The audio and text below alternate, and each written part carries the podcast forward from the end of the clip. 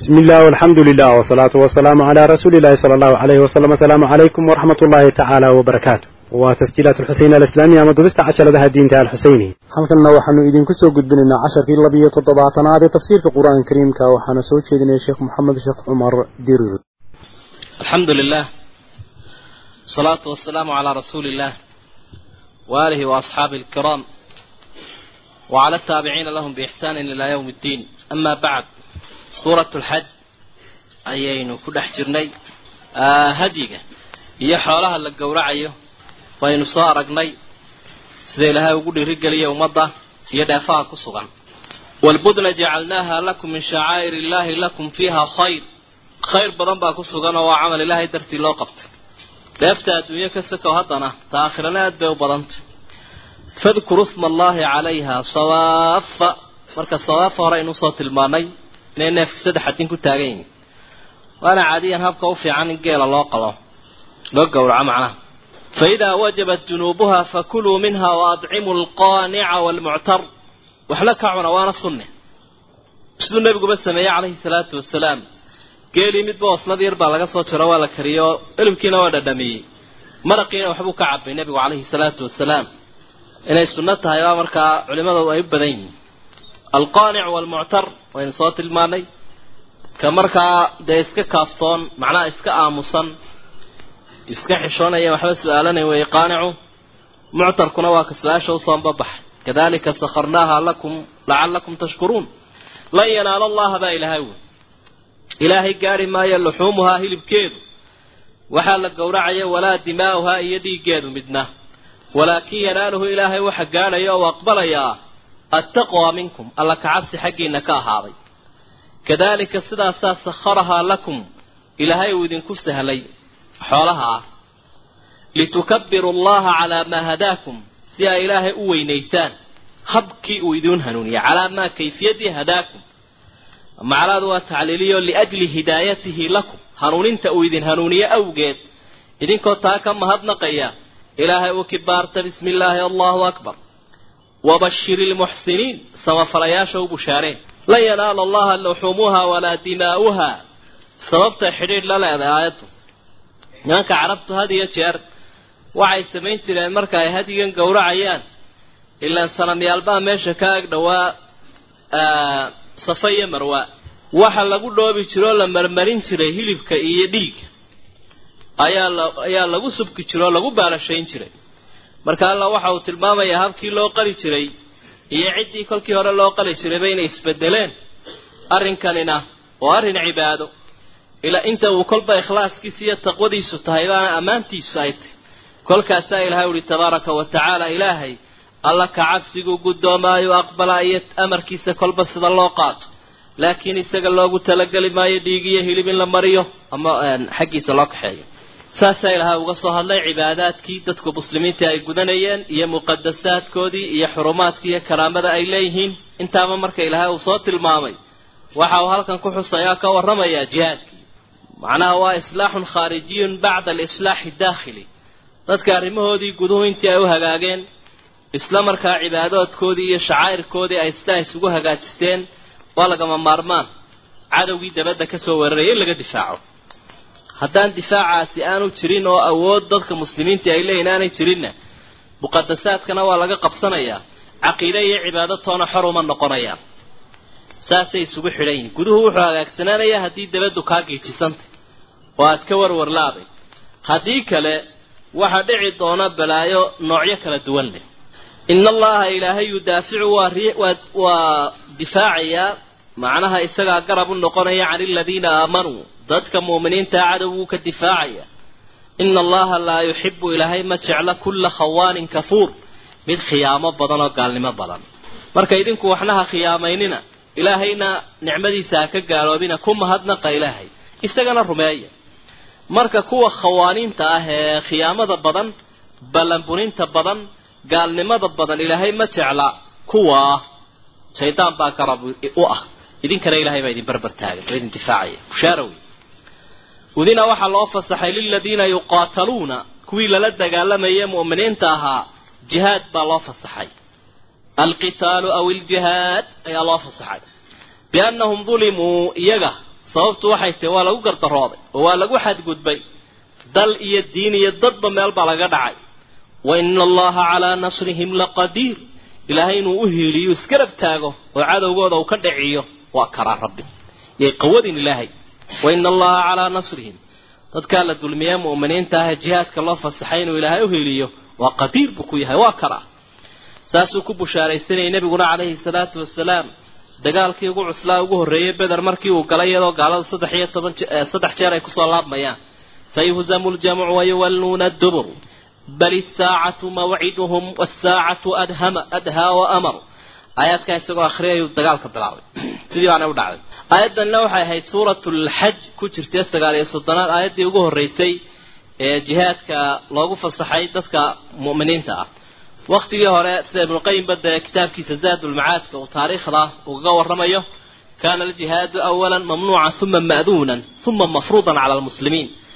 Waktigii hore waxau ahaa mid dadka loo diiday oo la odhan jiray balota inay siyaariyaan u kaadiya ku fuwaydiyakum waaqiimu salaa horta waa la tarbiyeynaya waxaa la gacmaha laabta cibaadada ooga horta u kaadiya markii dambena ma'duun buu noqdo udina markii dambena mafruud buu noqday ilaa yowmi alqiyaama dadka muslimiinta aan ka degayna waajibku waa jihaadku oo ilaahay uhi waqaatiluuhum xataa laa takuuna fitna wayakuuna addiinu lilah aw kulluhu lilah labada aayadoodba ilaa fitnada kufrigu intaa ay socoto ee dadka camal iyo caqiido iyo dal iyo diinba ay kaga soo duulayaan ama khatar ku hayaan gaaladu intaa fitnatul kufri ay soo riixayaan ay soo wadaan la dagaalama baa ilaha wey kolka rabbi halkan waxa uu ku xusayaa asbaabta keenaysa jihaadka. Aladiina kuwii weeye ukhrijuu laga saaray min diyaarihim guryahoodii bikayri xaqin xaqdarro gardarro weeye marka. Ayaa lagaga saaray guryahoodii. Ilaa an yaquuluu inay yidhaahdeen rabbuna allah laysa lahum dembun ilaa an yaquuluu rabbuna allah. Kiis kaloo lagu eedeeyey ma jirin inay alla uun rumeeyeen keligii mooyaane. Rabbuna allah baa lagu haystaa. Wamaa naqamuu minhum ilaa an yu'minuu billahi alcasiizi alxamiid rabbuna allah ilaah iyagu waa allah. Ayay yidhaahdeen taasaa lagu eriyey walowlaa dafcu llahi annaas haddaanu ilaahay dadka ku reebaynin bacdahum barhkood oo gaalada ah bibacdin barhka kale oo mu'miniinta haddaanu ku reebayn oo intoo mu'miniinta ilaahay uu isgarab taaga haddaanu ku reebaynin kuwa gaalada ah oon lagu riixayn lahudimat waxaa la burburin lahaa sawaamicu wa biyacun wa salawaatun wa masaajid intaasoo lagu cibaadaysanayay kolba waktiba oo meelba ummad baa ku cibaadaysan jirtay intaaba waa la burburin lahaa. Muqadasaadka iyo meelaha macaabidee dadka ay cibaadadooda ku gutaan alla rumaysana caabudaya hadh looma jiideen wax kalena daaba marka sawaamicdu waa meesha suufiyaasha nasaaradu ay ku qalweeyaan oo cidlay u bixi jireen. Markaa meel gaalay geli jireenoo sawmacad la ydhaah biyacduna waa kaniisadda nasaarada. Salawaadkuna waa kaniisadda yuhuudda. Masaajidaduna waa dadka muslimiinta ah halka ilaahay ku caabudaan aynu fadhino. Masjidkaasoo masaajidadaasoo yudkaru lagu xusayo fiihaa magaca ilaahay ismullaahi yudkaru fiiha ismullah. Magaca ilaahay baa lagu xusayaa katiiran in badan masaajidadaa meelaha kale ilaahay magaciisa laguma xusayn badan. Laakiin dee wax kalaa lagu xusaa. Dikrigan ilaahay keligii lagu xusay keligii lagu caabudaa masjidunbuu ku soo haray.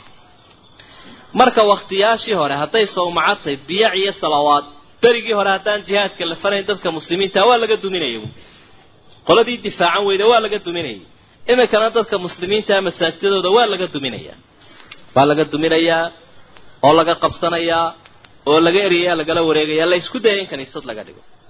Adiga dee caalamka dhegaystay masaajidada qaarkood oo cagaf intoo la mariyey ay dee buudiisku doonayaan iyo hinduusku inay ka bineeyaan wixii ay ku caabudi jireen iyo bagwaanadoodii iyo sanamiyaashoodii. Oo macruuf wey dee dadka muslimiintana oo adiga arkaye qudus iyo meelaha lamida xoog laga haysto.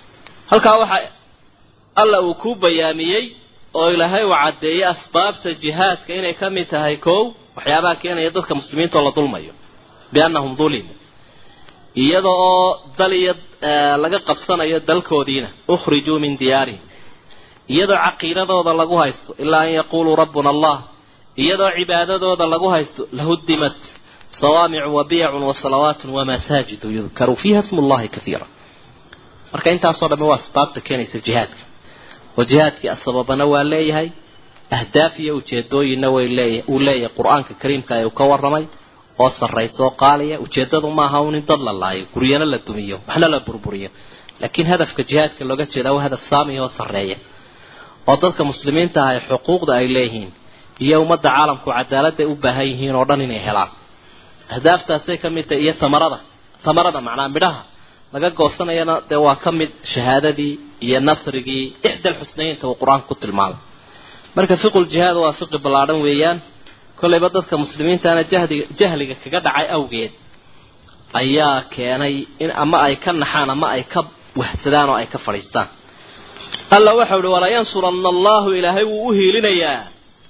Man yansuru cidda isaga u hiilisa. Ilaahay wuu uhiilinaya isagiibaa hiilinayo haddana waxaa lagu leeyahay qofka u hiiliya ilaahay awliyadiisa iyo dadka diinta u halgamaya iyo kitaabkiisa qur'aanka iyo sunnaha nebiga calayhi salaatu wasalaam intaa cidda u hiilisa ee jihaadkeeda iyo dagaalkeeda uu kaa yahay ilaahay baa u hiilinaya walayansuranna allahu man yansuru waa shardi baa ku xidhanoo markaynu ilaahay u hiilinee dagaalkeenu uu yahay mid diineed cadaaladda lagu baadi doonayo kolkaasay noqon doontaa fii sabiili illahi lagu socdo markaasaa hilibaadka ilaahay la helaya. Ina allaha la qawiyun casiiz. Ilahay awooddiisu way badantay. Qawi casiiz weeye waxba kuma adkaadaan. Wax waliba u fududiy aladiina kuwii buu ilaahay u hiilinayaa in makannaahum fi lard dhulka haddii aanu gacanta u gelino oo hogaamintiisa ay yeeshaan oo madaxay ka noqdaan aqaamuu salaata wa aatawu zakaata wa amaruu bilmacruufi wa nahaw cani lmunkar waa kuwaa wey salaaday oogayaan sakadana way bixinayaan waxa wanaagsanna dadkay farayaan xumaantana way u diidayaan. Walilaahi caaqibatu lumuur arrimaha cidhibtooda dambe ilaahay baa iskaloo cid waliba waxay calfanayso isagaa haya cid waliba waxay abaal u yeelanayso isaga ayaa ogsoon kuwan cidhibtooduna. Waa cidhib fiican oo la mahadiye wey nasku halkaa waxa uu ku bayaamiyey dadka ilaahay uu difaacaya ihi ina allaha yudaaficu can aladiina aamanuu waa kuwaa wey astaamahooda isma qariyaan. Waa kuwa marka ay hogaaminta dhulka yeeshaana ay madax noqdaan dowladnimadooda iyo awoodooda intuba diinta u adeegaysa. Intuba diinta ayay u adeegaysa. Siyaasatu diini bidawla wa xiraasatu diin siyaasa sharciya. Waxa weeye in diintii dowladda ay hogaamiso dowladduna diinta difaacdo. Waxa ugu horreeya waa taas. Hadday dadka diintooda u difaacdo gaaliga islaamba waa ka faa'iidaya. Hadday dadka diintooda u difaacdo oo waxay dowladdu ku soconayso iyo waxa ay ku dagaalamayso iyo waxa distoorka u ah iyo waxa cid kala hagayaaba uu diinta yahay sidaa dee naskuba uu tilmaamayo. Waxaa xaqiiqa ah wixii kaloo dhamiba inay fududaanayaan. Nasriga ilahay inaan helayo. Aladiina imakannaahum fi lard atamkiin macnaha waa iyada oo gacanta loo geliyo dadkii oo qiyaadadii dhulka ay yeeshaan oo madaxay noqdaan waxay ugu adeegayaan diintii waxay ugu adeegayaan maxay? Dowladnimadii diintaa loogu adeegaya. Calmaaniyadda nidaamkan lagu dhahdaana sidiisaba nidaam alcalmaaniya waa diinta iyo dowladnimadoo la kala saaro. Oo nimanka gaaladii waxa ay ku socdeen ba ahaa annaga diintii nasaaradu wayna wadi weyday bay yidhaah diintiibu socda bay noqoto kaniisadaanu ku xidhnay diintaa iyo raggeediiba.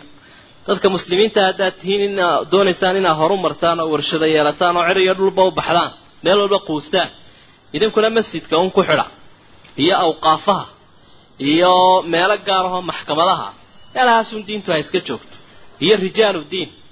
Culimaduna culimo ha ahaato ragga siyaasaduna rag gaara ha la kala saaro. Faslu diini cani dawla baa la ydhaha nidaamka calmaaniga haddaad maqasho waa diin iyo dowladnimo la kala ilaaliyo. Innagana dowladnimadeenna waxaa hagaysaba diintaaba hagaysa. Dowladnimaduna waxay u adeegaysaa ilaalinaysaa diinta ilahay bay ilaalinaysa diinta la ilaaliyaa dawlad lagu hagayaana dadkao dhami waxoodii uu helayba. Dadkao dhami waxooda u helay. Marka mushkiladda taallaa waa ta. Nidaam alcalmaani waa ka lagu salaynayo manaahijta waxbarashada garsoorka siyaasadda debadda ta dhaqaalaha.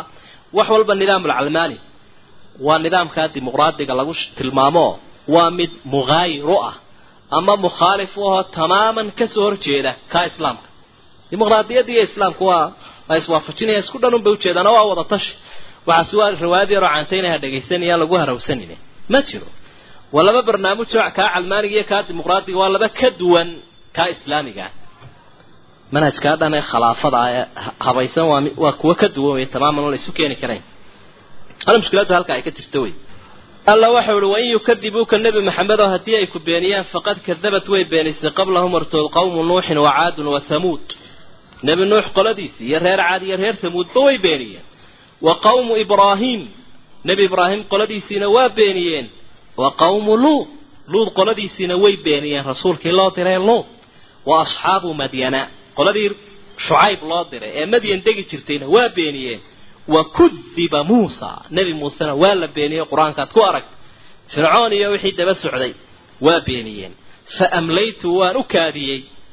Lilkaafiriina gaalada ayaan u kaadiyey oo kumaan degdega buu lahaydhi uma akhadtuhum waan qartay fa kayfa kaana nakiir ciqaabkaygii iyo diidmadii aan kuwaa diiday sidee bay ahayd halkeedii bay dhacday sidii ugu habboonayd bay kuwan ku dhacday ugu dhacday ilaahay baana ku cadcadeeyey qur'aanka kariimka ah waata keentay fircoonkii ilaahnimada sheeganayay inuu yidhaahday intuu afka kala qaaday imikaan rumeeyey ilaahay muuse iyo haaruun rumeeyeen fa kayfa kaana nakiir alla waa sii wadaa sunnada jaariga ah ee soconaysay buu inoo tilmaamayaa iyo habka uu ula dhaqmo cadowga fa ka-ayin buu ilaha yidhi badanaa min qaryatin magaala ahlaknaaha aanu cidhibgoon cidhib goynay oo aanu cawda u jarnay dam ka dhignay.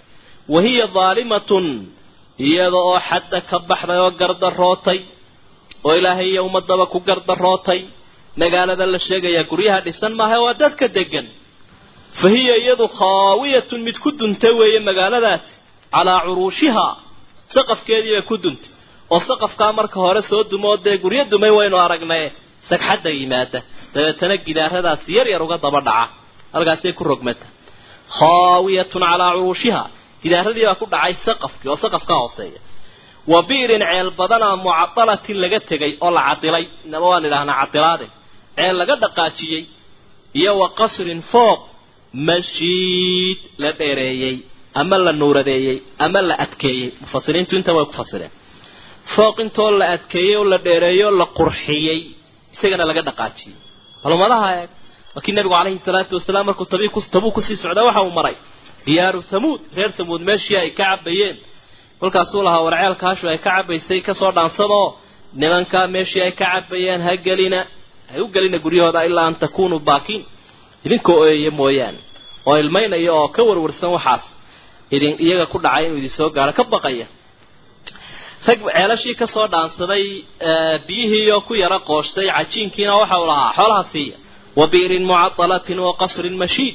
Sidaasaa ilaahay uu dal iyo dadba isagaa gacanta ku haye markuu doono waa kala wareejinayaa kam wa kam kathiir wa kathiir in badan baa dhul laga haajiray oo isbedelay oo ceelashiisii qodayin oo foqyadiisii muuqda afalam yasiiruu buu ilahay yidhi miyaanay miyay socdaan fil ardi dhulka fatakuuna lahum ay u ahaata quluubun qalbiyaal yacqiluuna bihaa ay wax ku garanayaan caqli ay wax ku fahmaan aw aadaanun yasmacuuna biha ama dhaga ay wax ku maqlaan miyay yeeshaan bal nimankan intay caalamka maraan may wax dhegaystaan oo ay wax eegaan oo qalbigooda uu hagaago wax badan bay kororsan lahaayeen wax badanina way u muuqan lahaayeen ummadaha la halaagay la cidhib tiray fa innahaa qisadu waxay tahi laa tacmal absaar indhahan ku yaalla wejiga mala-a nimanku ee way leeyihiin.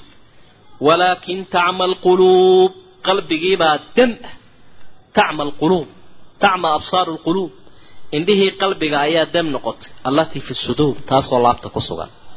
Marka lilcayni basar walilqalbi basiira. Ishuna waxay leedahay shay la yidhaahdo basar iyo arag qalbiguna wuxuu leeyahay basiira. Ayay leedahay ayuu leeyahay isaguna. Labadaas saasay u kala tegeen. Marka haddii ay indhahoodan kugu iyagoo waaweyn kugu soo eegayaan oo ay aada wax u arkayaan kuwii qalbigaa dama baa ilaha ui fatiiladii iyo laambadii u baxaysay baa madoobaatay oo dam noqotay marka halkaa waxaa kaaga muuqanaya qofka muslimka ah inuu ka nool yahay damiirka ayuu ka nool yahay caqiidaduu ka nool yahay garaadkuu ka nool yahay iyo fikirka iyo wacyiga iyo siduu wax u arkayo wax u dareemayo intaa haddii laga waayana muuqaalkiisu waxa uu noqonayaa un ka ilaahay uu ka warramay fii awali suurati almunaafiqiin waidaa ra'aytahum tucjibuka ajsaamuhum wain yaquluu tasmac liqawlihim kaanahum khushubun musanada nimankii waa niman waaweyn oo aftahan oo haddana jidhkoodii haybadooda aada la yaabayso oo haddana marka loo dhabagalo waa waxa ay ka dhigan yihiin in qoryo la tiiriyey oo daloola kaanam kushubun musanada laakin tacmal quluubu alatii fi suduur qur'aanka kariimkayna aada buu uga waramaa qalbiga iyo qaybihiisa iyo ka nool iyo ka dhintay. Iyo leanna waa waa jiinkii qofka weey waa laga maarmaan qofku inuu qalbigiisa wixii daaweynaya iyo kala ogaada wixii dilaya wayastacjiluunaka bilcadaabi bay ku dadejisanayaan nebi maxamed oo keen bay kuleeyihiin walan yukhlifa allahu wacdah. Ilahayna ballantiisa kama baxayo. Wa ina yawman cinda rabbik maalin ilaahaaga agtiisa ahaade waa qiyaamaha eh ka alfi sanatin kun sanuu la dheraryahay oo mimaa tacuduuna maalmaha iyo ayaamaha tirsataan ka mida iyo sanadaha maalinkaas waa kun sanuu la dheraryahay konton kunna qur'aanku waa tilmaamay khamsiina alfa sana. Meelaha qaarkiibaa ayaa noqonaya kun sano marka laysu wada geeyana konton. Cadadka yari ka badan unbuu soo hoos gelaya. Marka maalinkaasi waxa uu yahay ka u dambeeya ee loo ballan qaaday ee dhexdiisa la ciqaabi doono la cadaabi doono wa kaayin min qaryatin buu ilahay yidhi magaalo badan ah amlaytu laha aan u kaadiyey mar kale ilahay uu ku celiyey wa hiya daalimatun iyadoo dulmi samaysay dulmina dee waxa ugu weyn waad og tahayoo siduu nabigu xusey calayhi salaatu wasalaam waa shirkiga iyo gaalnimada ina shirka la dulmun cadiim markuu aayaddaa fasirayay uma akhadtuhaa waan qabtay wa ilaya almasiir meesha loo soo noqonayaa waa xaggayga marka ha yaabin haddaad aragta ummadaha caalamka oo qaarkood ay aada u kibrayaan dhaqaale iyo awood ay ku faanayaan. Maanta cid kale aanay waxba ogeyn wuxuunay ka mid yihiin dadkan ilaahay uu ka warramayo. Ee waddada lagu riday unbay ka mid yihiin. Qolo waliba maalmo yar iyo sanado kooban bay leeyihiin si unbay ku qaadanayaan. Imaa inay sharaf ku qaataan waa imaa inay khasaare ku qaataan. Arrinkooda waa labadaa mid wey qul waxaad tidhaa yaa ayuha nnaasu dadow inamaa ana lakum nadiirun mubiin. Anigu waxaanay mid idiin digaya oo digniintiisuna ay cadday sidaa u sheeg dadka. Digniintiisuna ay caddahay macnaha doorkaygu maaha kaas inaan dadka halaago inaan jawaab ficliya siiyo laakiin ummadda waxbaan gaadhsiinaya waxbaan gaadhsiinaya. Ummadduna way kala baxaysaa. Faama aladiina aamanuu dadkii alla rumeeyey wacamiluu saalixaati camalada fiican falay lahum makfiratun dembi dhaaf bay leeyihiin wa risqun kariim iyo arsaaqad wanaagsan. Waa takhliyatun uma taxliya.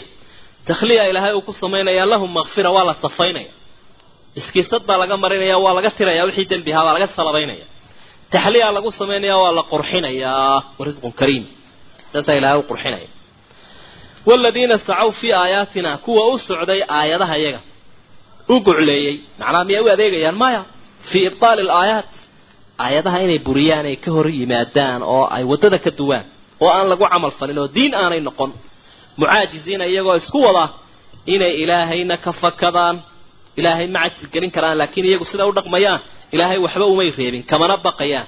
Marka mucaajiziina iyagoo ilaahay doonaya in ay ka baxsadaan oo aan dee ka baqaynin ulaaika asxaabu ljaxiim kuwaas naarta jaxiime la yidhaahda ayay gelayaan baa ilahay in badan bay gaaladu aladiina sacaw fii aayatina way wada yihiin. Oo waxaa laga dagaalamaya waa diin. Haddaad meelaha ka maqasho yurub oo dhan baa isu timid kuwii warshadaha isu yimi dabeetana maxaa iminka? Maalin maalin dambeeya akhbaarta soconaya. Labada qodobe ugu waaweyne laga hadlay ee la isla waafaqay maxay noqdeen? Irhaabka iyo hubka wax kumaada. Labadiiba iyagiiba ah irhaabkii caalamiga ahaana waa iyagii. Hubkii wax kumaadaya dadka lagu tijaabinayay ee kambaniyadooda ay ku tijaabinayeenna waa iyagii.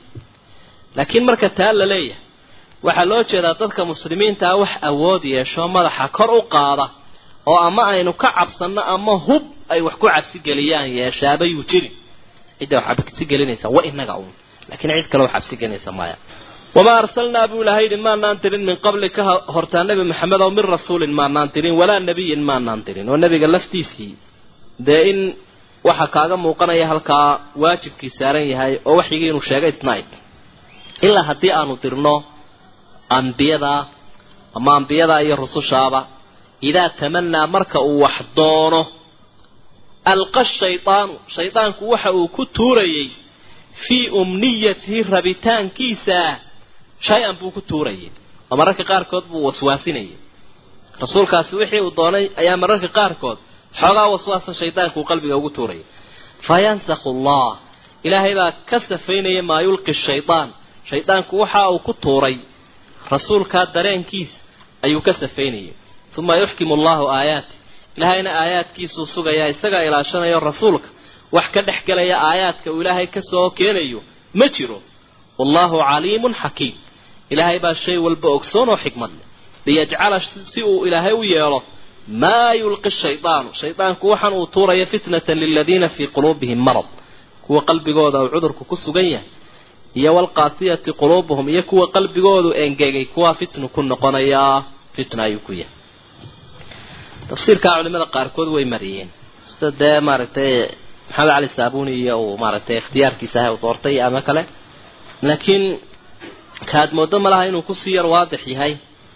Waxa weeye marka sababtana loo eego nabiga caleyhi salaatu wasalaam maalin maalmaha ka midabaa iyadoo uu akriyayo qur'aanka oo uu ku soo degayo ayaa majliskiisa waxaa fadhiyay dad muslimiin iyo gaalaba leh.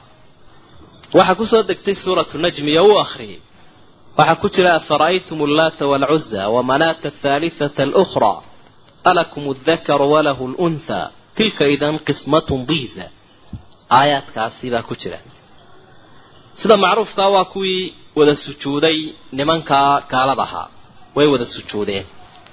Nebigii asxaabtu sujuudeen laakiin kuwii gaalada ahaa meesha fadhiyeyna way wada sujuudeen. Marka laga reebo mid dee kibirsanaa ciid qaado wejiga saaro o yidhi aanu foorsan kari maayo gaalada ka mid ahaa intii kale waa la wada sujuudeen marka iyagu kuwani laba arrimoodba way u sujuudeen. Sanamyaashoodaasoo qur'aanka lagu sheegay. Oy leeyihiin ictiraaf baa jira. Kol haddii laba soo qaadayba ilan ummad taas inkaarta halkaasi u fadhiisatay oo meelaha ibliiske la ictiraaf bay dhahaan bahalihii. Kol haddii la soo qaadayba oo la yidhaha afaraytum allaata waalcuza wamanaata athaalitata alukhra ka warramaba haddii la yidhi waa la ictiraaf. Dabeetana way iyagu kuwaasay ula niyoodeen nebigii asxaabtuna waxay ula jeedeen ilaahooda boqorka ahee dee waxyiga u soo dejiyo waxa labaad oo marka shaydaanku qalbigooda uu ku riday waxyaabo waswaas ahoo aan aayaadka la soconin oo kale ayaa qalbigooda uu ku riday. Tilka alqaraaniiqu alculyaa wa ina shafaacatahuna la turja ayay erey noocaasa bay qoraan mufasiriinta kutubahooda sanamyaasha shafaacadooda waa la rajaynaya taasoo kalena shaydaanku qalbigooda ayuu ku riday. Ama wuxuu uga dhigay wax qur'aanka la soo degayay la socdo oo kale nebigu akhriyay oo iyaga dhagahoodu ku riday shaydaanku ilan wuu waaxyoodaaye waina shayaaiina la yuuxuuna ilaa awliyaahim shayaaiina alinsi waljini yuuxii bacduhum ilaa bacdi zukrufa alqawli guruuran marka waxigii nabiga ku soo degayay buu uga dhigay in intaasi ku dhex jirto oo nabigu ma akrin laakiin dhegahooda ayuu ku tuuray. Labadaa arrimood bay u sujuudeen. Kolkaasaa dabeedna aayaadkan ay soo degeen. Kadib ilaahay baa waxau uhi wamaa arsalnaa min qablika min rasuulin walaa nabiyin ilaa idaa tamanaa kolkii hore tamanaa markuu wax ku yidhi dooladu wax doonay tafsiirkan kale wuxuu leeyahy ilaa idaa tamanaa markuu akriyo rasuulkaas alqa shaydaanu shaydaanku waxa uu ku ridayaa fii umniyatihi akhrintiisa shay-an buu ku ridayaa. Oo qirada uu nebigu akhriyaya calayhi salaatu wasalaam waxba kuma jiraan laakiin kuwan dhagahooda wax maqlay. Fayansakhu allahu maa yulqi shaydaan shaydaanku wixii uu soo tuuray ilaahay baa nasakhayo. Dee qur'aankii kama muuqanayo uma yuxkimu allahu aayaat ilaahay aayaadkiisu sugaya siduu ku soo dejiyey baa lagu qoraya nebiga ku soo gaadhay liyajcala si uu yeelo maa yulqi shaydaan shaydaanku waxan uu soo tuurayo fitnatan liladiina fii quluubihim maradun waalqaasiyati quluubuhum kuwa qalbigooda cudurku uu jiifo iyo kuwa qalbigoodu engegay fitno ayuu shaydaanku uga dhigaya. Oo wax qur'aanka ku jira ayuu uga dhigay waxaan dhegahoodu maqleen dabcan wax mana aha dee nabiga ka soo baxay afkiisa calayhi salaatu wasalaam iyagoo wax dhegahooda ku dhacay. Ilaan marar badan baa qur'aanku mar buu tilmaamay qur'aanku. Munaafiqiintu inay odhan jireen nebigoo qur'aankii akhriyay calayhi salaatu wasalaam maadaa qaala aanifan ayukum zaadatu haadihi iimaanan? Qur'aanku wuu akhriyaya raggu waa wada xafiday. Maadaa qaala aanifanna way leey marka waxaan shaydaanku ku tuurayaa kuwanuu fitno ku yahy ee nebiga iyo mu'miniinta iyo qur'aanka midna xidhiidh lama leh. Tafsiirkaasaanaad moodaa marka loo eego aayadda dambe inuu ku sii yar waadixsayn markuu rasuulkaasi wax akriyo shaydaanka qiradiisa wax ku tuuro oo kuwa gaalada dhegahooda maqashiiya qur'aankaana ilaahay waa ka ilaaliyaa waxaa isaga ah ee dhegahoodu ay maqleen kuwanunbay fitno ku tahay oo shaydaanku dee uu ka waageer iyo waliyaclama aladiina si ay kuwii u ogaadaan uutul cilma la siiyey annahu qur'aanku alxaqu min rabbik xaq ilahaaga ka yimi xaggiisa inuu yahay. Fayu'minuu bihi way rumaynayaan. Fatukhbita lahu quluubuhum qalbigooduna waa u khushuucaya fayuuminuu bihi fatukhbita lahu quluubuhum qalbigoodiibaa marka u khushuucaysa oo aayaadka aayaadku inay xaq yihiin way ogaadeen. Aayaadku ilaahay xaggiisa inay ka yimaadeen way ogaadeen aayaadka way u khushuucsan yihiin dadka mu'miniinta ahi kolka lagu dul akrinayo ee sida kuwan dhegahoodu wax kala maqli maayaan. Aayaddaa hore wa ina aalimiina la fii shiqaaqin baciid. Aalimiintu khilaaf fog bay ku sugan yihiin ina aalimiina la fii shiqaaqin baciid. Waa qalbigooda engege qalbigooda cudur ku sugan yihiin almukhbitiin horeynu u soo marnay marka dadka muuminiinta qalbigooda ayaa qur'aanka u khushuucaya. Dadkii saas u kala tegay dadkii waxyiga dhegaystay saasay u kala tegeen wa ina allaha ilaahay lahaadi aladiina aamanuu dadka alla rumeeye wuxuu ku hagayaa ilaa siraatin mustaqiim. Ji toosan buu ilaahay ku hanuuninaya. Ji toosan oo ilaahay raalli noqoshihiisa gaadhsiinaya oo ilaahay jannadiisa gaadhsiinaya kuwaasuu ku hanuuninaya walaa yazaalu kama tegayaan oo ma daynayaan aladiina kafaruu kuwii gaaloobay fii miryatin minhu shaki inay qur'aanka kaga sugnaadaan. Waa ka shakisnaanayaan qur'aanka. Xataa ta'tiyahum asaaca ilaa ay qiyaamada u timaado baktatan si kada ah aw ya'tiyahum ama uu yimaado cadaabu yawmin caqiim maalin ma dhalaysa cadaabtii maalin aan khayrba ka soo jeedin maalin aan maalmaba ka dambayn oo maalmihii oo dhan soo afjaray ilaa uu yimaado kuwa gaaladii shakigaasay ku sugan yihiin waanay la dhimanayaan waanay la rawaxayaan laakiin maalintaa kolka ayse soo taagaan waxa ilaahay u leeyahy fabasaruka alyawma xadiid aad baad maanta wuxuu arkaysaa wadan dhafiiqanta almulku baa ilaahay uhi lahaanshuhu yowmaidin maalintaa qiyaamaha lilaah lilaahi ilaahay buu usugnaaday yaxkumu baynahum dhexdoodu kala xukumaya. Almulk yowmaidin lilah dee adduunyadaba ilaahay milkiga isagaa leh? Milkiga adduunyadaba isagaa leh. Laakiin waxaa jira sheegashooyin. Dawladanaa waxle qabiiladanaa waxle hebelbaa waxle waxaasa iska jira. Sheegashooyinkii gaarka ahaa meesha way ka baxeen. Liman ilmulku lyawm lilahi alwaaxid alqahaar maliki yawm ddiin almulku yawmaidin lilah faaladiina aamanuu wacamiluu saalixaati dadka ilaahay rumeeye camalada fiican falay fii jannaati naciim. Jannooyin bay ku sugan yihiin barwaaqo badan. Uu nabigu lahaa calayhi salaatu wasalaam ilaahay waxaa weydiisataa firdows waaladiina kafaruu kuwii gaaloobay wakadabuu biaayaatinaa beeniyey. Aayaadkii ilaahayna beeniyey fa ulaa'ika kuwa lahum waxa usugnaaday cadaabun muhiin cadaab dulleeya. Kafaruu baa qur'aanku u xusayaa waxaa ku xigaysaa haaliban wakadabuu biaayaatina aayadaha iyagiina beeniyey ilan ilaahay waxa uu leeyahay xaliguu soo laalaadiyo cidda irkatee cuskataa unay nabadgelayso isagana ku xidhmayso ilaahay iyo addoomaha waxa ka dhaxeeya waxyigan iyo manhajkan loogu cibaadaysanayo ee addoomaha ilaahay ku xidhaya kaa la turyaaba ilaahay la kala go waaladiina haajaruu fii sabiili illaah kuwii ilaahay dartii u qaxay ilaahay dartii bay u qaxeen oo guryahoodii iyo ehelkoodii iyo maalkoodiiba uga qaxeen uma qutiluu la laayay aw maatuu dhintay. Ila labadaa midun bay noqon lahaayeen. Iyagoo fii sabiili illaah u hijrooday oo ku dagaalamayay dhinteen. Ama iyagoo fii sabiili illaahi u hijrooday bay dhinteen.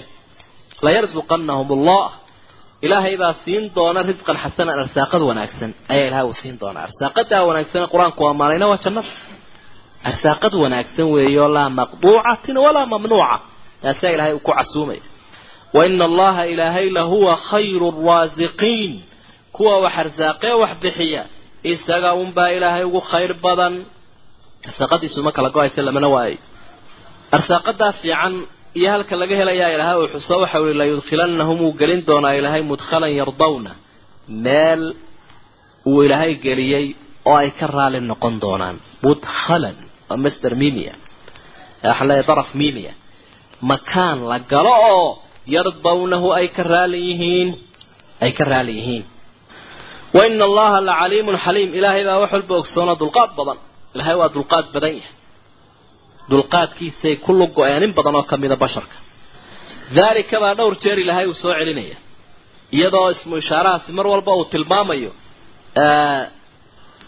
halkaa hore ilaahay waxa uu soo tilmaamay layarsuqanahum layudkhilanahum intaba ilaahay waa soo tilmaamay yaxkumu baynahum.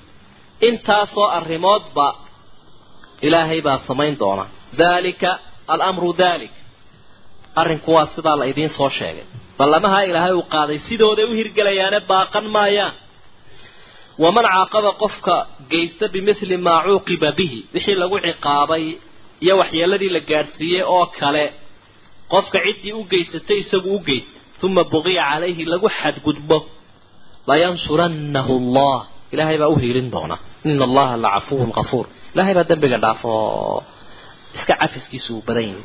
Addoomuhu saamaxaa addoomuhu dembiga u dhaafa. Alla waxa uu tilmaamay cidda intii loo geystay in la eg geysata ee dabeetana lagu xadgudbo ee difaaca ku jirta. Ilahay waa garab taagan yo u hiilinaya macnaheedu waxa weeye qofka haddii marka horeba wax loo geystay cadowgii u geystay wuu la baranaya wuu ku celcelinaya wuu ku celcelinaya. Qofka wax iska dhiciya wax iska difaaca ee ilaahay dartii u dagaalamaya layansurannahu allah. Ilahay baa u hiilin doona.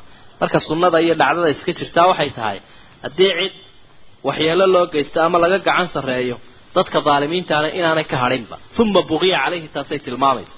Markii hore waxay ahayd waxyeelaa loo geystay. Markaasuu isna ka jawaabay uma buqiya calayhi. Waa lagu xadgudbo lagama daynayo. Isna difaacaasu ku jira layansurannahu allah ina allaha lacafuwun kafuur dalik.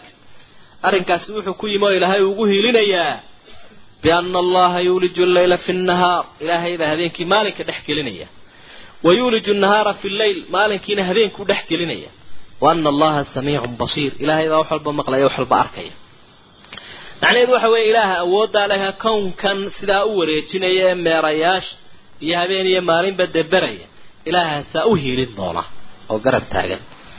Dalik arrinkaasi waxa uu ku yimid oo difaaca loogu fasaxay oo ilaahay ugu hilinaya biana allaha ilaahay baa huwa alxaqu ah. Ilaahay baa xaqa.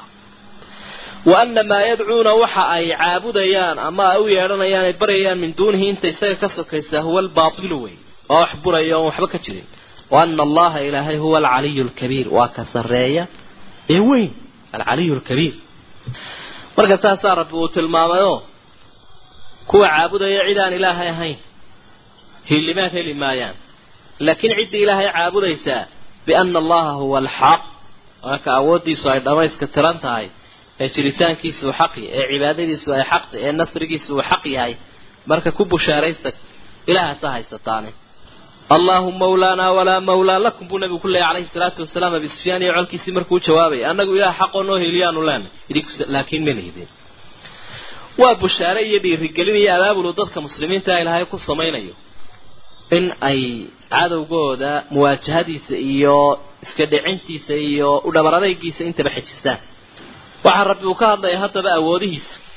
Waaweyna muujinaya arrimahan uu sheegayba cadaynaya waa aayaadkii kawniga alam tara miyaanad arkaynin ana allaha ilaahay anzala min asamaai maan xagga kole biyuu ka soo shubay fa tusbixu lardu dhulkiibaa ahaanaya mukhdara mid cagaaran mid cagaaran oo hawrtay bay dhulkii noqonaysa markuu biyaha ilaahay ku shubuu liqsiiyo roobkaa mahiigaanka ah ee jirda gooyahay markuu xalliyo dhulka ayuu dhulkii cagaar noqonaya ina allaha latiifun khabiir ilaahay waa latiif mid naxariistiisu badan tahay wey oo nicmooyinka waaweyn iyo kuwa yaryarba bixiya khabiir. Waa mid xogogaalah oo ogsoon madarkaa cidda wehelka iyo meesha uu ku shubayo mar walba. Iskama socdo daruuru iskama socdaan iyo roob. Lahu maa fi samaawaati wamaa fi lard eriyo dhulba waxa ku sugan buu ilaahay leeyay. Wa ina allaha ilaahay lahuwa alghaniyu alxamiid waa kii haniga ahaa ee kaaftoonaa ee la mahadiyey marka isagu ilaahay waa ka maarmay. Xalla waxa ka soo hadhay oo dhan iyagaa u baahan aayaadka ilaahay mar kale eego alam tara baa ilahay uhi miyaanad arkaynin ana allaha ilaahay sahara lakum wuxuu idiin sahlay maa fi maa fi lard dhulka waxa ku sugan. Maa fi lard dhulka waxa ku sugan oo dhan ayuu idiin sahlay.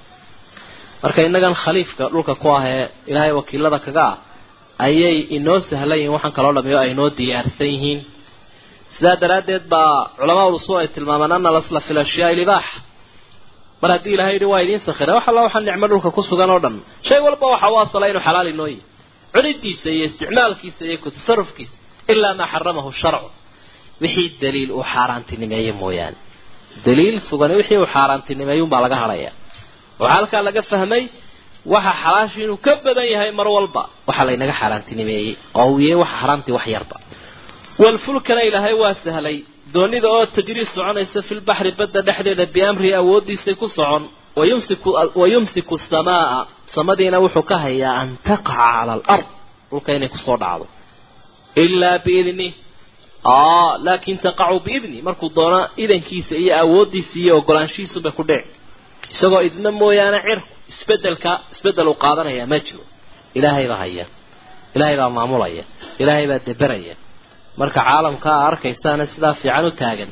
Awooddiisuu ku taagan yahi marka ilaa isaga oo ogolaada in isbedelo ku yimaado samooyinkaa mooyaane inta ka horeysa habkaa fiicane u barateen bay u taagnaanayaan iyaga laftigooduna caalamka inoo sakhiran bay ka mid yihiin. Qorax iyo dayax iyo meerayaal iyo hawo iyo bad iyo beri waxoo dham waxay noo sakhiran weye ina allaha binnaas ilaahay dadka la ra'uuf raxiim aad buu ugu naxariisanaya ilaahay dadka ra'uuf waa naxariistiisu mid aada u ballaadhanta oo aanay ka kala go'aynin addoomaha.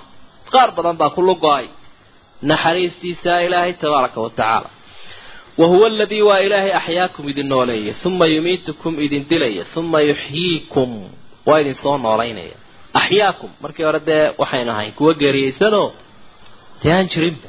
Markaasuu ruuxdan ina geliyay ammaanadaasuu ina geliyay inagoo caloosh hooyadan ku jirna uma yumiitukum mid waliba waa lagama maarmaan inuu tan ka dhinto. Idina ku waari maayo. Intii aynu dhimanayna sudan maaha arrinkii oo inaan la iska daba imanaynin maahee uma yuxyiikum yuxyiikum wuu idin soo noolayn doonaa. Waxbaa iska noolaanaya. Waxbaa sida noqonaya. Ma jiro. Ilaahay baa intan oo dhanba mariyey. Ina alinsaana la kafuur ilaahay baa waxau ihi aadamuhu waa mid gaalnimo badan. Marka ka aan mu'minkahayn gaalku ka ilaahay diideen rumaysnayn isbedeladan iyo adwaartan ilaahay uu marinayo waa kafuur. Likulli ummatin buu ilahay yihi ummad kasta jacalnaa waxaan u yeelnay mansakan sharci iyo diin hum naasikuuhu ay raacaan. Ummad waliba diin iyo sharci ay raacaan baa ilaahay uu dejiyey. Marka kuwii hore kutub buu u soo dejiyey qur'aan kariimkii uu ka warramay tawraad iyo injiil iyo zabuuriya ka mid ahaayeen.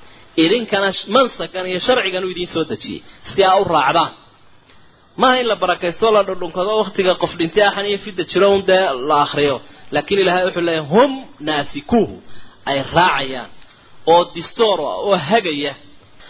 Falaa yunaasicunaka fi lamr taladayay kugula doodin kuwa iyaga ah. Wadcuu ilaa rabbika ilaahaaga xaggiisa dadka ugu yeedh inaka la calaa hudan hanuun baad ku sugantahay mustaqiimin toosan. Jid toosan baad ayaad maraysa oo qofka gaarsiinaya maqsuudka iyo muraadka falaa yunaasicunaka fi lamr arrinkaa iyo diinta ayay kugula doodin macnaha ayay kaa duwin. In badan baa gacan haadis baa socda. Wadduu law tudhinu fa yudhinuun inaad soo dabacdo ayay jecel yihiin. Iyaguna ay kuu dabcaan. Iyaga waxba ma hayaan. Marka amarkaa in lagaa qaato mooye in lagugula murmo maaha. Inaad sheegto mooye in laguu sheego maaha.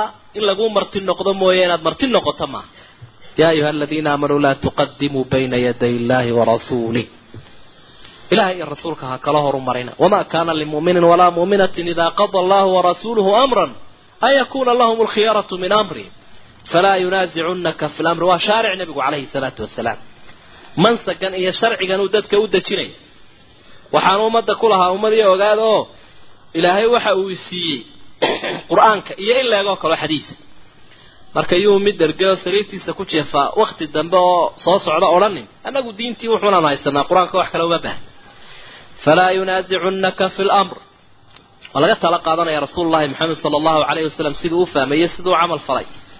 Ayaa xaq iyo sawaabku ay ku jiraan oo ilaahay uhi wadcuu ilaa rabbik inaka la lacalaa hudan mustaqiim.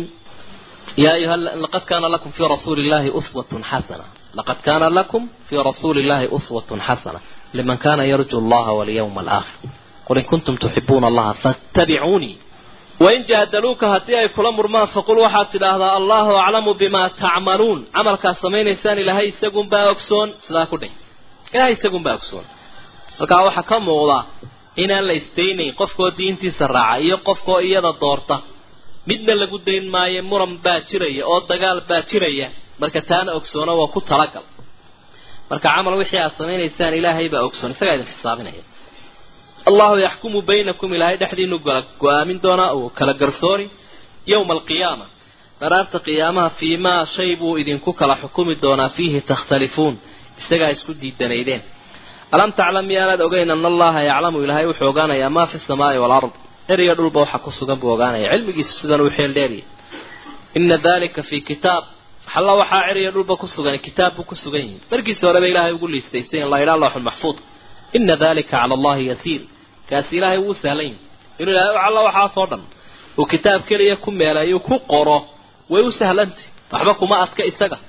Ilaahay awooddiisa iyo cilmigiisu saas u xeel dheeriya isagaasaa ku habboon mid sharci idiin dejiyo laga guddoontana mid aan waxba ogeyn oo gidaarkaa waxa ka sheeya aan ka warhayn inuu idhaahdo xeer baan dejinayaa iyo nidaamka ilaahay bedelala ka dhagaystunbaa dawahaya wayacbuduuna waxay caabudayaan min duuni illahi inta alla ka sokaysa maa maa shay lam yunazil bihi sulطaanan ilahay waxaanu awood lagu caabudo u soo dejinin ila isagaa taladu ka go-daaye isagaa fasaxu ka go-a isagaa cibaadada amray la caabudaya isaga marka suldaan iyo awood uu u soo dejuuri kaaha lagu caabudo ma jirto.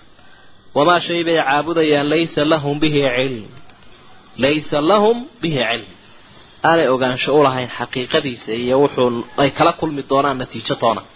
Wamaa lilaalimiina min nasiib. Dulmi falayaashu cid u hiiliya malaha waxaa loo xiilinayaa ma jiro. Mar hadduu daalim yahay ilaahay garabkiisa waa ka baxo shaydaan baa garab galay wax u hiilinayana maleh waidaa tutla calayhim kolka lagu dul akriyo daalimiinta aayaatunaa bayinaat aayadaha iyagoo cadcad oo wax walba iftiimiye kolka lagu dul akriyo tacrifu waxaad garanaysaa fii wujuuhi aladiina kafaruu kuwii gaalada ahaa wejigooda waxaad ka bidhaamin oo kaaga muuqanaya almunkara diidmo diidma ayaa ka muuqanaysa aayaadkii ilaahay baa la akriyay kuwii bilaa iimaanka ahaana way maqleen mar alla markaasay qabandhacyoonayaan oy sillanaanayaan yakaaduuna waxay u dhowaanayaan yasduuna inay ku boodaan oo ay gacan saaraan biladiina kuwa yatluuna calayhim biaayaatina aayadaha iyaga kuwa ku dul akhriyaya. Dadka awliyada ilaahay ee aayaadka ku dul akhriyay ee ilaahay xusuusiyey ee wacdigiiyo waanada soo jeediyey kuwaasay sadwa iyo xoog inay ku qabtaan isku dayaya qul waxaad tidhaahdaa afa unabi'ukum ma idinka waramaa bisharin wax ka balaayo badan min daalikum kiina ficilka noocaasi waa waxun waa shar iyo balaayo. Waxaa ka sii balaayo badan annaaru naar baa ka balaayo badan. Taasoo wacadaha allah ilaahay u yaboohay aladiina kafaruu kuwii gaaloobay buu u yaboohay wacadaha allahu aladiina kafaruu naar ilaahay u yaboohay kuwa gaalada ah. Taasi waxay ka shar badan tahay xumaantaa aad samayseen jawaab baanay u tahay wa bi'sa almasiir meel loo soo noqdana oo insaan u laabtan halkaasaa u liidata. Sidaasaa ilaahay u tilmaamayoo gaalada iyo shayaadiinta isle isu wataa ilaahay waxyigiisa iyo wacdigiiyo waanadiiyo wax sheegmadu waxay ku yihiin madaafiic ilaahay baa waxa uu ihi wajaahidhum bihi jihaadan kabiiran. Kula dagaalan qur'aanka. Dagaal weyn kula gal. Dagaal weyn kula gal. Sida shayaadiinta lagu akriyo qur'aanka ee lagu saaro saasoo kale unbay dareen noocaasa bay u samaynayaan qofka bilaa iimaankaana qur'aankiisa isaga waa lahwal xadiid iyo masaamiirta iyo kamanka iyo heesaha iyo durbaanada. Halkaasuu gashaday isagu. Aayaadkan waxay ilahay ka warrama tusaale u samaynaya haddaba bal kuwaasi waxay ilaahayaasha ka dhigteen. Dar badan baa waxay caabudeen waxay iyaguba gacantooda ku sameeyeen. Oo kala nooc nooca oo taalooyinka la yaab kale ah oo ku weyn iyo ku yar leh yaa ayuha nnaasu buu ilaahay yidhi dadow duriba mahalun tusaala ilaahay uu sameeyey fastamicuu lahu dhagaysa dad oo dhan buu ilaahay soo jeediyey maaha dadka muslimiinta oo qura ee xataa kuwii caabudayay sanamyaashanina way ku jiraan bal tusaala ilaahay uu idin siinayaa iyo waxa wax ku qaadataana hadda dhagaha u fura baa ilahay fastamicuu lahu ina aladiina tadcuuna kuwa caabudaysaan min duuni illaah ee aanan la ahayn kuwa caabudaysaan inta alla ka sokaysa lan yakhluquu abuuri maayaan dubaaban diksi abuuri maayaan dubaaban waa xayawaankaa la yaqaana yare duksiga la ydhaha jamcu qilihiisuna waa adibba.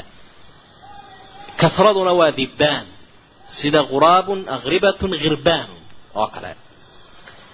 Mid diksiya abuuri maayaan mufradkii weeye dubaabku walow ijtamacuu lahu haba isugu urureen. Xallo waxa aada arkayso ee maanta lagu leeyahay cilmi baa horu maray iyo kanuu gaadhay waxay abuurayaanoo xayawaan ama noolahay ma jiro. Mid noolaahoo ay abuurayaan ma jiro. Walow kaa ay tilmaamaan inuu yahay mid ay naskiyeen ama ay koobigareeyeen oo laxbaanu sidan idhi waxaasoo dhami iyaga laftigoodu waa mid ay makaankun dib ugu celiyeen oo khalqigii ilaahay una. Laakiin waxa iyagu abuureen maaha walow ijtamacuu lahu haba isugu urureen waxaa la caabudaya o dhan wain yaslubhum udubaabu shay-an duqsiga laftiisu hadduu wax ka salbiyo hadduu wax ka halqafo ilaa waxaa timirta ah iyo baarashkaa iyo wax lagu nabnabay qaarkood baa timirba ka samaysa oo marka uu ka ilaalinayo sadanadii xokaynta u hay gaajoodo ama sanka uu goosanaya ama dhegta oon la yaab lahayn qaarkood baa wax lagu duugay. Qaarkood baynu soo maraynay in hilibka iyo dhiigga iyo la saaray. Hadduu waxaa la saaray wax ka goosto laa yastanqiduuhu minhu kama soo dhacsanayaan kama soo dhacsanayaan kuwana caabudiintaa laftigooda hadduu duqsigu wax kala cararo iyana kama soo dhacsan karaan. Alaa waxay ka soo dhacsan karaan. Waa xayawaan la tilmaamo inuu bacteria sido. Dabeedna qofka bani aadamka hadduu raashinka ugu rido ama caafimaadkiisii uu ka qaato ma ka soo dhacsan karo. Wax kala daa ilaahay baa waxau ihi dacufa aldaalibu waalmadluub dacufa alcaabidu waalmacbuud kii la caabudayay iyo kii wax caabudayaba waa isku barbar dhaceen labadaasi waa isla hadheen daalib waa kii wax caabudayay madluub waa kii la caabudayay marka labadaas ilaaha noocaasa ka dul fadhiistay iyo ka la dul fadhiistay labaduba way isla daadegeen waa xaaba naareed wey dacufa daalibu waalmadluub diqsiga iyo ka uu wax ka qaatayba waa isla daciif dacufa daalib kan wax doonay oo diqsiga waa iska tamar darayn madluubka uu wax ka doonayna waa ka sii tamar daranya diqsi waxba ka dhicin waayo ilaa bahal yaroo la buufiyana waa ku filan tahay labadaasi isku barbadhe kay caabudeen waa ka ilaahay baa wuxuu ihi maa qadarullaha ilaahay may weyneynin xaqa qadrih weynayntiisii dhabta ahayd uu mudnaa isagoo caafimaadinaya isagoo arsaaqaya isagoo abuuray isagoo awoodsiiyey wax walba isagoo dhama u dhammaystiray ayay yidhaahdeen kaasaa baalgelayo wax la leh. Ina allaha la qawiyun casiiz ilaahay kii awood badan weeye. Casiiz min caza yacizu yacazu labada ficilku waa noqdaaye wasfigu ka iman karaaye. Ilaahay waa kii wax lamidii aanu jirin. Ama casiiz weeya kii awood badan. Allahu yastafi ilaahay wuxuu ka dooranayaa min almalaa'ikati rusulan buu ka dooranayaa uu diro. Wa min annaasi ay rusulan. Dadkana rusul buu ka dooranaya haddii malaa'igta qaar hawla wado meela tegaya waxqabad iyo maamul ku jiraa jiraan ilaahay baa diray oo waxiga qaadaya waxigay qaadaya. Dadkana rusul baa ilaahay uu ka soo diray nebi maxamed u khatime calayhi salaatu wasalaam ilaahay baa doorashada le iyagu doorashada ma leh.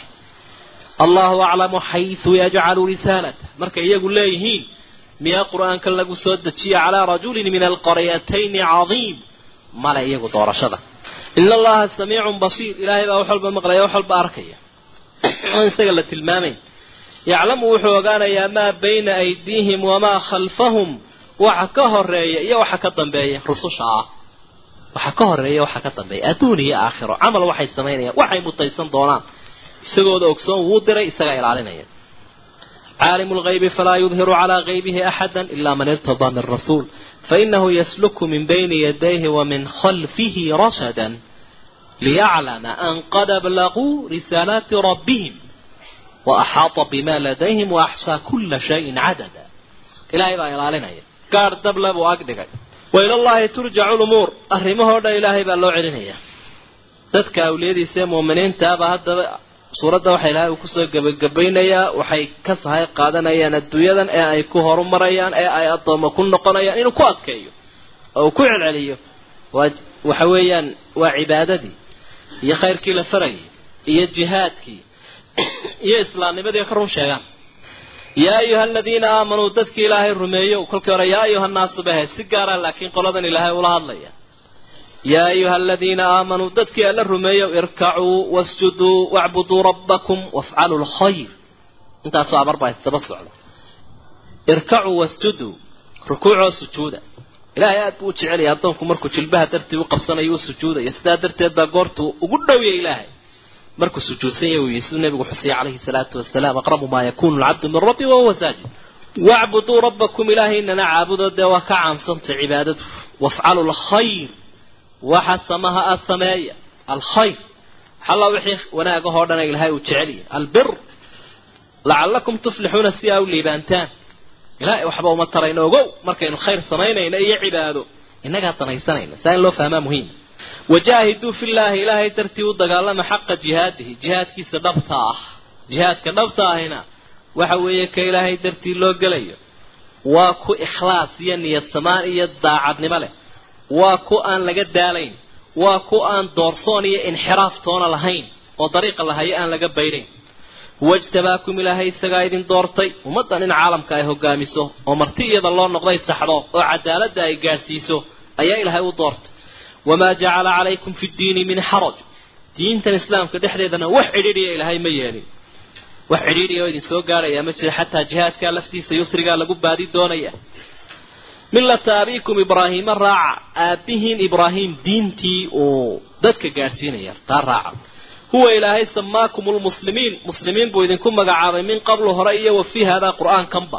Magaciina kutubihii hore muslimiin ayay ku xusayeen. Qur'aankana muslimiin baa laydin idhaha iyadaana ku faanaysaan wa qaala inanii min almuslimiin ictizaaz waxaa ku faanaysaan waa iyada axsaab iyo wadamo iyo qabiilooyin iyo maya kooxo iyo maya huwa samaakum lmuslimiin taasaa lagu nool yaho lagu dhimanaya oo loo halgamaya fii sabiiliha. Laakiin wixii kaloo dhami wax soo guraya weeye oo iska liita. Ummaduna taasay walaala ku yihiin islaamnimadaasay walaala ku yihiin iyaday ku aftirsanaya. Jinsiyadooda waa dhabtahay waa iyada. Liyakuuna wa fii haadaa marka waa qur'aanka. Liyakuuna arasuulu muslimiin baa ilahay idinka dhigay liyakuuna arasuulu si uu nabigu idin u noqdo shahiidan calaykum mid idinku markhaatiya wa takuunuu shuhadaa cala annaas. Idinkuna dadka markhaati ugu noqotaan dushooda. Maalinka qiyaamaha nabiguna markhaati buu idinku yahay idinkuna ummadda kalea markhaati ku noqonaysa. Faaqiimuu salaata cibaadadaa ooga salaada wa aatu zakaata bixiya. Wactasimuu billaah ilaahay irkada. Ilaahay u ciirsada ilaahay magan gala. Marka billaahi qur'aanku isagaa isfasiraya wactasimuu bixabliillaahi jamiican walaa tafaraquu waa midnimadoo la ilaaliyo iyo qur'aankoo lagu ururo oo wixii la isku khilaafo isaga loola noqdo. Ilaahay irkada huwa mawlaakum. Isaga ayaa ah hiiliyihiina fa nicma almawlaa. Mid garab idiin noqdo oo idiin hiiliye ayaa wanaagsan. Oo barwaaqo bato ilaahay wa nicma annasiir oo isku macno dhow yihiin nicma annasiir mid isaguna cadow idinka difaaca. Ayaa mid idin horumariya iyo mid cadow idinka difaaca. Labada waa hiilimaadun. Laakiin waxaa sii caamsan almawla mid idin xil qaado wey almawla mid arrinkaago dhan aad u dhiibato. Wixii soo socda iyo wixii tegay iyo wixii yar iyo wixii weyn. Intaba wallahu aclam